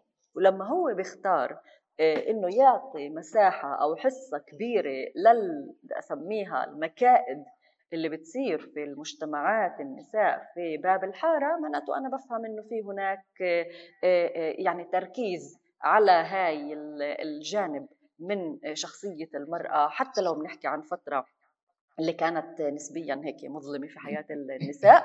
على حساب أمور أخرى اللي متعلقة في أدوار النساء في المقاومة ضد الاحتلال مثلا أو إنجازات النساء على مستوى ما بعرف شعبي أو اجتماعي أو على يعني جوانب أخرى اللي ممكن تكون برزت النساء فيها بس هو اختار بالنهاية إنه هو يتطرق لجوانب اللي هي سلبية زي ما حكيت لكل موضوع الخلافات بين زوجات الرجل الواحد أو الخلافات بين الجارات أو الخلافات بين يعني شخصيات معينة داخل مسلسل باب الحارة. فأنا بشوف زيكم إنه في كان هناك تكريس لصورة معينة للنساء. وحتى لما اجى يفرجينا صورة أخرى لنساء أخريات آه، شفنا مثلا الطبيبه اليهوديه يعني في هناك حتى لو إنه كانوا اليهود جزء من سكان آه، آه، سوريا بهذيك الفترة بس اختيارات المخرج لأي دور يعطي لهاي المرأة اليهودية كمان هي مقولة. وإحنا لازم ننتبه لها ونشوف إنه ليش هيك صار. ليه لما إجا أعطى دور أو حصة لإنسانة طبيبة بشكل كثير بارز اجى أعطاها لشخصية يهودية مع إنه بنفس بنفس المسلسل بأجزاء سابقة كان في هناك زوجة طبيب اللي تحولت لمساعدة له وكأنها ممرضة اللي هي بنت البلد أو بنت الحارة. بس ما تسلط الضوء عليها بالشكل زي ما شفنا في آه، لاحقا في الأجزاء المتقدمة أكثر بالنسبة لموضوع الطبيبه اليهودية. فمن هون بدي بدي آه، التغييرات أو أو النظرة النسوية لمسلسلات اللي اللي اللي كانت بالفترة الأخيرة واللي راح تكون موجودة في رمضان السنة. إنه دائما كان في آه، مسلسلات اللي هي مثلا متعلقة بحياة النساء بحياة طالبات الجامعة بحياة بنات المدارس وكل هاي الأمور. يعني في مثلا؟ صحيح يعني وحتى مثلا في مسلسل اللي اسمه صبايا اللي هو السنة بيكون الجزء السادس تبعه اللي هو بيحكي عن مجموعة صبايا. إحنا بدينا معهن حياتهن من جيل شوي ما بعد المراهقة المراهقه متأسفة إنه اليوم إحنا موجودين معهن في مرحلة الأمومة. فعلى مدار الست سنوات صحيح. كل مرة كنا نشوف هيك التطور في هدول الشخصيات حتى لو القالب كان شوي كوميدي بس بس في هناك طرح لقضايا اجتماعية بتخص النساء بشكل يعني الفوكس كله كله عليها. السنة مثلا في مسلسلين اللي اللي أنا شخصيا رح أكون حريصة أتابع واحد منهم آه، مسلسل مصري تحت الوصاية اللي بطولة منى زكي ولأول مرة بنشوف على الأقل من مشاهدتي ولا مرة أنا شفت مسلسل عربي اللي بيجي بيعطي آه، امرأة مهنة صيادة سمك. فبهذا المسلسل إحنا رح نشوف منى زكي كامرأة تعتمد على معيشتها من خلال صيد السمك. طبعا مع كل المشاكل المجتمعية المحيطة فيها. ومحاولات لمنعها كان عليه هجوم كبير أول ما طلع البوستر الأول للمسلسل إنه امرأة آه، محجبة وكيف هي عاملينها بطريقة معينة ومع يعني على الأقل اللي أنا شفته إنه ما كانش يعني ما عجبهم كيف مصورينها من ناحية مظهرها الخارجي. صحيح وبس يعني إنه طبعا أنت يعني بفكر إنه إحنا بنعرف إنه في كثير من الأحيان إنه إنه بيتم الحكم على المسلسلات قبل مشاهدتها بيتم الحكم عليها من الفيديوهات الترويجية وبعدين لما إحنا بنحضر الفيلم بنشوف إنه في هناك يعني قضية مركبة أكثر ممكن نشوف في هناك إتقان لعرض المشكلة الموجودة واحيانا بيكون في يعني بتعرفوا هيك محاولات لإحباط مسلسلات معينة قبل قبل ما ما تنتشر. ما بالك لما بتحكي عن آه، أدوار بطولة نسائية بشكل مطلق يعني. فهذا آه، كثير كثير متوقع ولكن أنا بعتقد إنه في هناك راح يكون آه، يعني تعال نقول طرح لقضية من من وجهة نظر جديدة اللي أنا شخصيا كثير بحب أتابعها. كمان بالإنتاجات المصرية اللي موجودة السنة يعني النجمه سهير رمزي رح يعني راجعه على مسلسلات رمضان في مسلسل ولو إنه أنا مش حابة اسمه بس اسمه ليل أم البنات. والجميل في هذا المسلسل إنه هو بيحكي عن والدة لمجموعة بنات اللي يعني مشكلتها في التعامل مع بناتها متعلقة في تأثير ال social media على حياة البنات. اللي هو موضوع كمان يعني بحاول إنه يجي يتفرج جدا بالضبط بحاول يتفرج على الواقع اللي إحنا موجودين فيه اليوم تأثير ال social media علينا وبالذات على النساء. فبفكر إنه هون كمان في هيك نظرة جديدة وجميلة كثير حديثة و وطبعا سهير رمزي يعني. إحنا بعد يعني غابت عنا كثير فبفكر إنه كمان يعني مثير إنه نشوف سهير رمزي من جديد على الشاشة. طيب أوه. بما إنك حكيت عن تشوفي عنا هيك أنا يعني أنا بس يعني اللي تابعته إنه مسلسل ابتسم أيها الجنرال حاولت أحكي بالبداية يعني إنه هو مسلسل اللي اللي مخليني أفكر أحضره بالأساس هو إنه جاي ينهي عذرية الملك. يعني بمعنى إنه الملك هو مش شيء آه، اللي هو مقدس ما ينفعش تحكي عنه. إنه لا بدك تنتقده وإذا أعطيت عمل نقدي خليه يكون لا أنا هيك استشفيت وهيك فهمت من العروضات التسويقية أو الترويجية تبعت المسلسل. هو من بطولة مكسيم خليل وعبد الحكيم قطيفان آه وهيك يعني شفت كثير ردود أفعال سورية كمان إنه فيها محاولة استعادة دور الدراما السورية ووضعها على مسار السينما أو الإنتاج الدرامي العربي. فهيك بس يعني حبيت أحكي هاي الملاحظة إنه كمان اللي عم يسمعونا اللي بده اللي بحب يحضر مسلسل قد ممكن يترك أثر فأنا بنصح بهالمسلسل آه، بما إنك عم تحكي عن المسلسلات اللي بتترك أثر طارق وإذا بتسمحوا لي آية وطارق إنه أذكر آه، آه، كل موضوع ترك الأثر هذا حتى مرات اللي اللي بصير قبل ما المسلسل ينعرض. مؤخرا بفكر إنه كلياتنا سمعنا عن قضية مسلسل معاوية بن أبي سفيان. والحرب اللي خلقها في العراق لما أعلن عن عرضه في أو عن النية لعرضه في في رمضان. طبعا إحنا بنعرف إنه في يعني من ناحية تعال نقول توجهات عقائدية إنه في إشكاليات في التعامل مع شخصيات تاريخية دينية في في دول مختلفة بالعالم العربي الشخصيات تختلف من ناحية قيمتها المعنوية بين السنة والشيعة و مذاهب أخرى. فيعني كل هاي الحرب المذهبية العقائدية فجأة فاتت على يعني فاتت على مجال الدراما.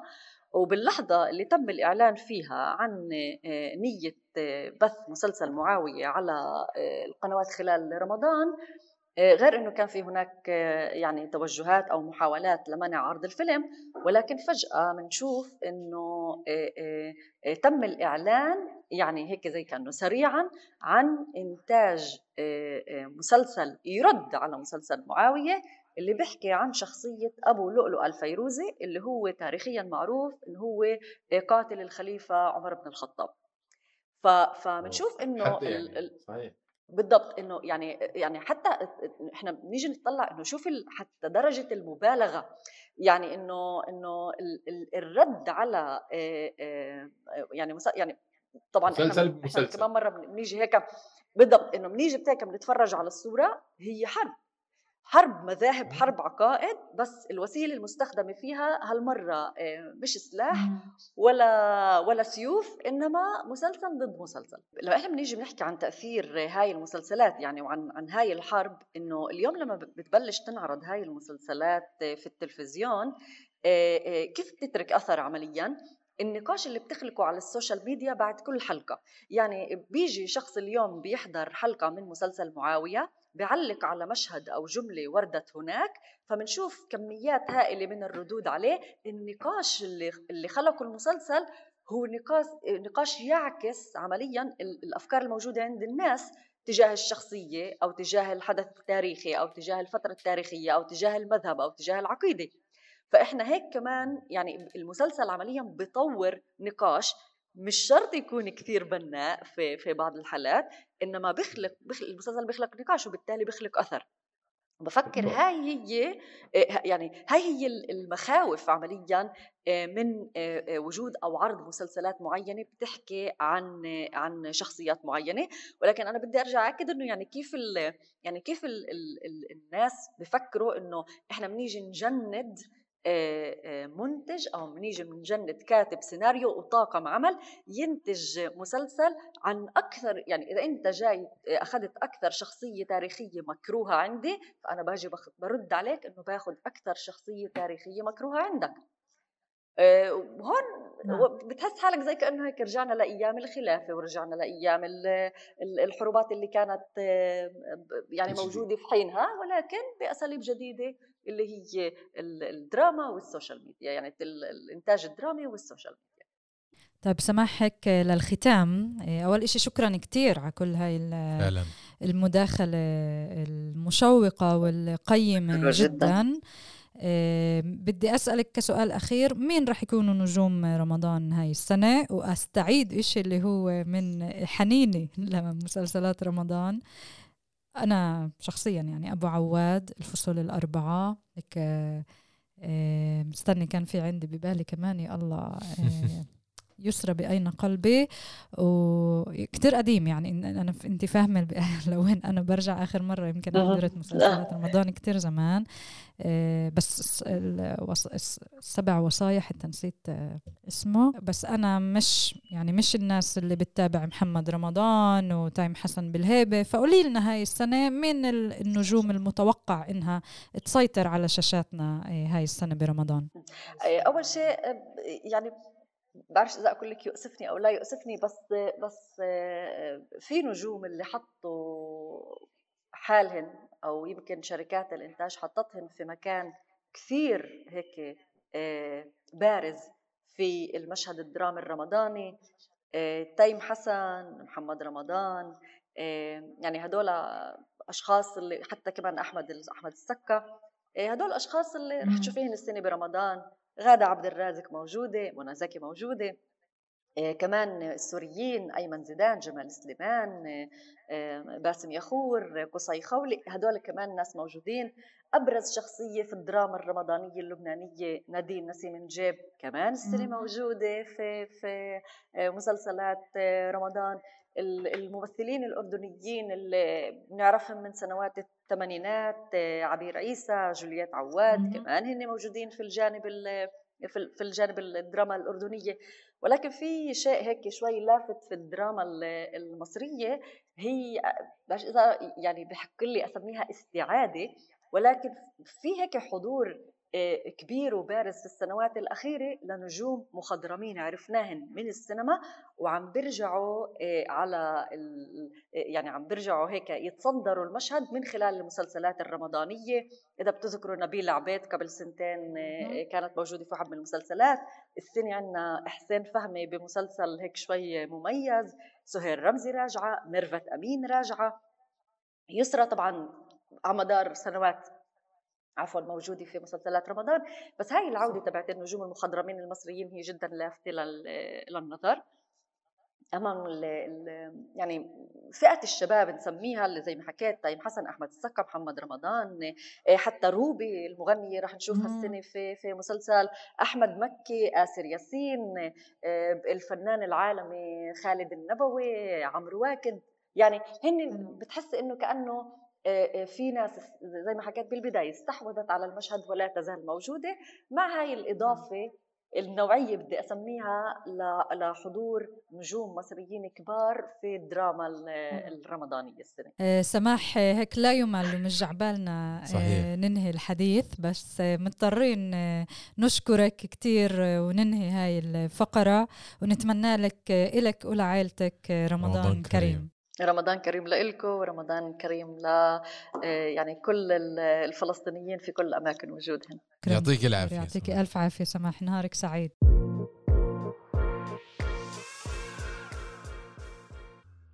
طيب أعزائنا المستمعين هيك بنكون وصلنا لنهاية حلقتنا من بودكاست الأسبوع في عرب 48 بدي أطلب منكم طلب اللي لسه ما عملناش متابعة على منصات البودكاست.